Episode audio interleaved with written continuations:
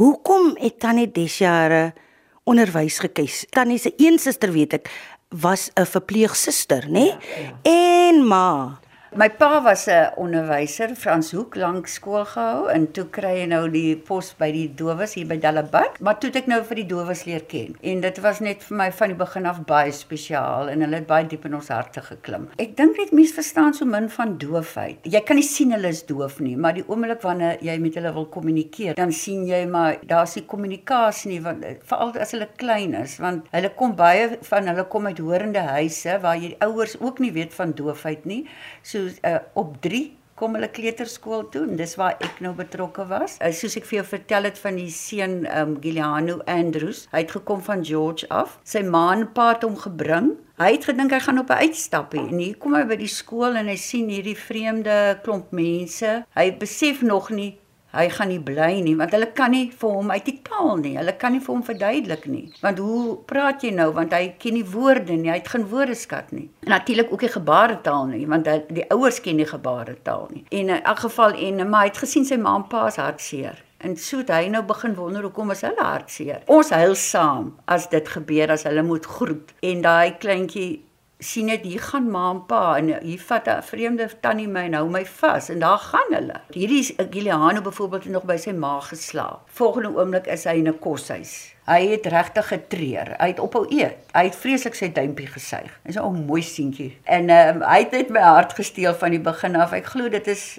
maar die Here wat dit op my hart geplaas het. Die kind was net vir my van die begin af net in my hart geklim toe gaan vra vir die maatskaplike werk. Kan ek kom net 'n naweek huis toe vat nie. Maar toe sê sy vir my baie waarding, Betty, as jy dit een keer doen, moet jy commit.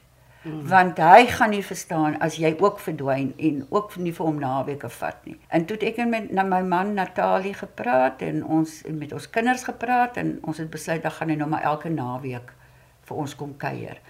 En snaaks genoeg, dit was die wonderlikste reis. Toe en ek kan sien hy weet nie eers sy eie naam nie en ek eh, kom toe agter hy reageer goed op spraak. As ek sê Giuliano dan hy dit herhaal.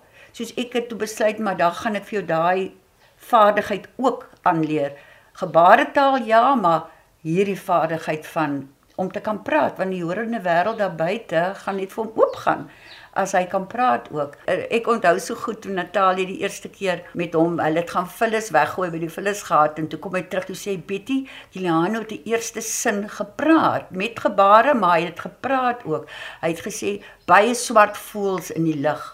En dis 'n kind wat nie geweet het dis 'n voel nie, dis lig nie. Dit is hy by die skool kom leer die woordeskat. Dit wat so sê, dit was vir my 'n avontuur om te sien hoe 'n kind se lewetjie oopmaak. En nie, soos die meeste ander kleutertjies wat daar kom, in die begin is ons het baie keer moeilike kinders en dan is dit bloot frustrasie, hulle kan nie kommunikeer nie. En as hulle dan gebaretaal kry en hulle kan begin kommunikeer en of hulle kan net woordeskat kry, hulle taalbed word word gevorm dan besien jy baie keer van hierdie moeilikheid verdwyn net want dit is frustrasie as mense jou nie verstaan nie. Ek wou nie ander plek skool hou nie. Dit was net waar ek wou wees. Ek dink ook 'n mens kan jou hart van suits losmaak. nee.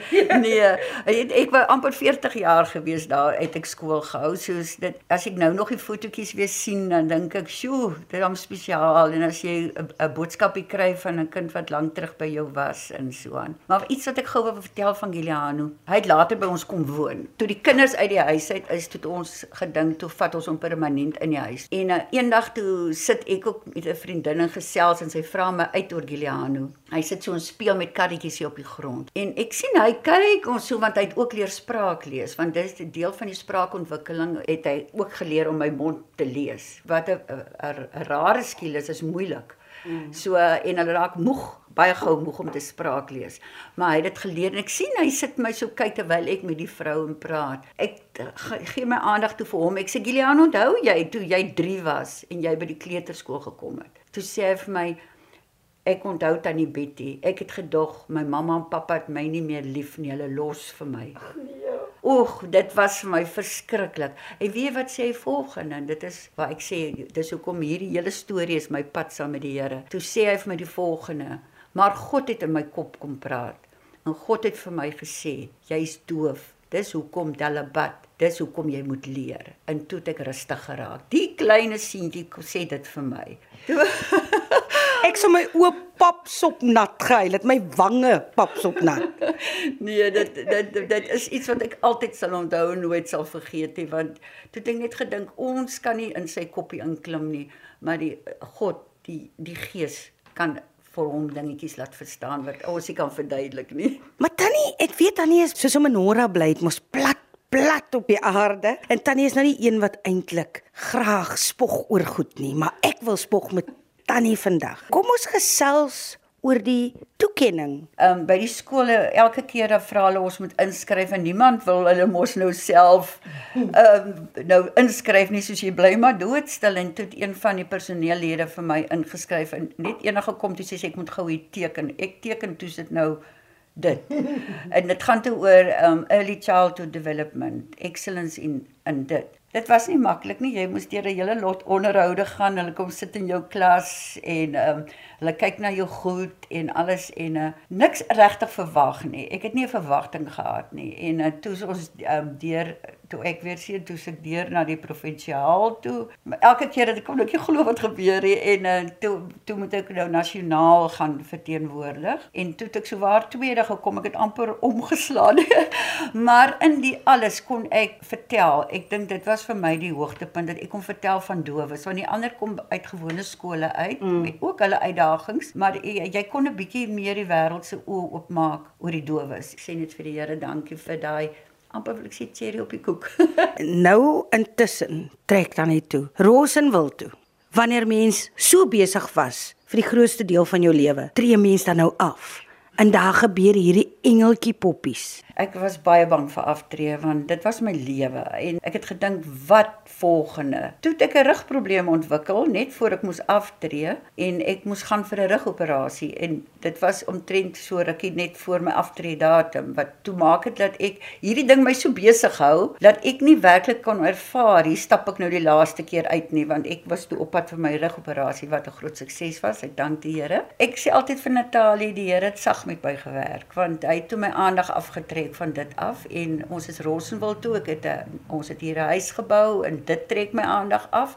So voor ek weet toe is ek eintlik hier op Rossenwil baie gelukkig. Wonderlike mense om my, maar ek het gevoel ek wil iets doen. En so kuier ons toe by my dogter in Windhoek, so my die oudste dogter. En is Kersfees gewees en sy sê ma, wil maar nie vir my 'n engel hekel vir my boom nie en ek doen dit toe en dit lyk mooi. En sy sê maar vir nog 'n engels op my tafel en ek doen dit en dit lyk mooi en ek sit sommer 'n foto op Facebook. En die volgende oomblik so hoor kry ek boodskappe aan die Betty. Ek wil ook 'n engel hê. Wat kos dit? En die boodskappe kom in en kom in. Die Here praat met my as ek so oggende stap en toe ek die oggend gaan stap, toe vra ek vir die Here, moet ek dit doen? Want ek wil iets doen tot eer van sy naam. Ek wil nie my net sommer besig hou met iets nie en op my muur is 'n so ding wat is ek in Christus. En ek gaan sit en my oog val net op ene en dis Efesiërs wat sê um I crafted you to make beautiful things.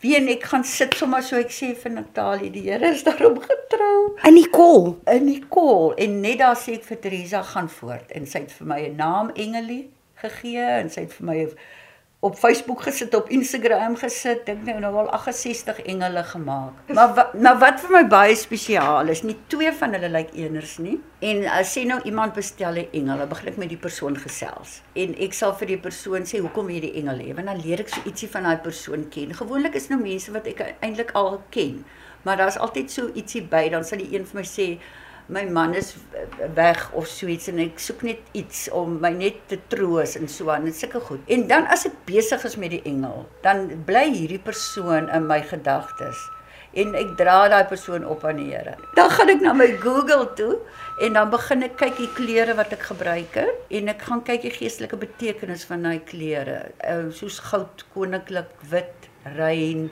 soos al daardie um, rooi sy bloed wat jou was en alles. Dan dink ek nou die hele proses want dit vat lank om so een te maak. En dan dink ek dan vra ek vir die Here wat die naam. En ek het baie probeer by Hebreërs se name, maar ek het ook ander name later.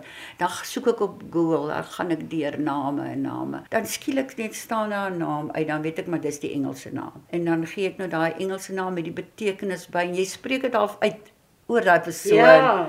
En dan as ek klaar is met alles, dan vra ek vir die Here vir 'n Bybelteks en dan sit ek dit nou onderaan en dit gaan dan op 'n sertifikaatjie saam met die engel. En dan sit ek hulle op my gebedslysie. Ek sit hulle weer voor die Here se voete neer en so aan en So dit het vir my soos 'n bediening geraak en uh, ek kan net vir die Here sê dankie. Ek voel so klein vir as ek dit doen, maar hoeveel keer ag dat seker stuur ek nou vir die een persoon 'n boodskap en sê, "Hoe jy geweet ek het dit vandag nodig." Dan voel ek net, "Wow, Here, U gebruik my en ek is net so dankbaar."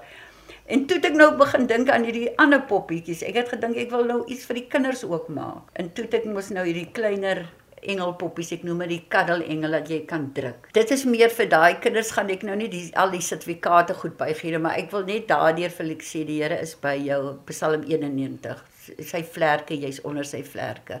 'n uh, Kaddelengel. Kaddelengel. Wat sou tannie se boodskap wees ten laaste? Miskien 'n boodskap van hoop, miskien 'n vers vir wie ook al nou luister. Ja. Nog voor Covid gekom het, was ons by Vleesby ons vakansieplek en uh, toe ons gaan 'n koffietjie drink voor ons uitry, toe daar so 'n Hansie en Grietjie padstal. En toe ons daar instap, toe staan is die groot teels daar under his wings. Psalm 91 en die Here sal sy engele opdrag gee om jou te beskerm. En dit was deur hele Covid tyd. Ons het elke aand Psalm 91 gelees oor my mense, my kinders uitgespreek. Toe ek by die kaddelengele kom, is dit weer die, die vers wat vir my net skielik ek wil hier ons kindertjies sodat hulle met 'n engeltjie kan stap in their under his wings. Soos Psalm 91 is definitief iets wat ek wil gee.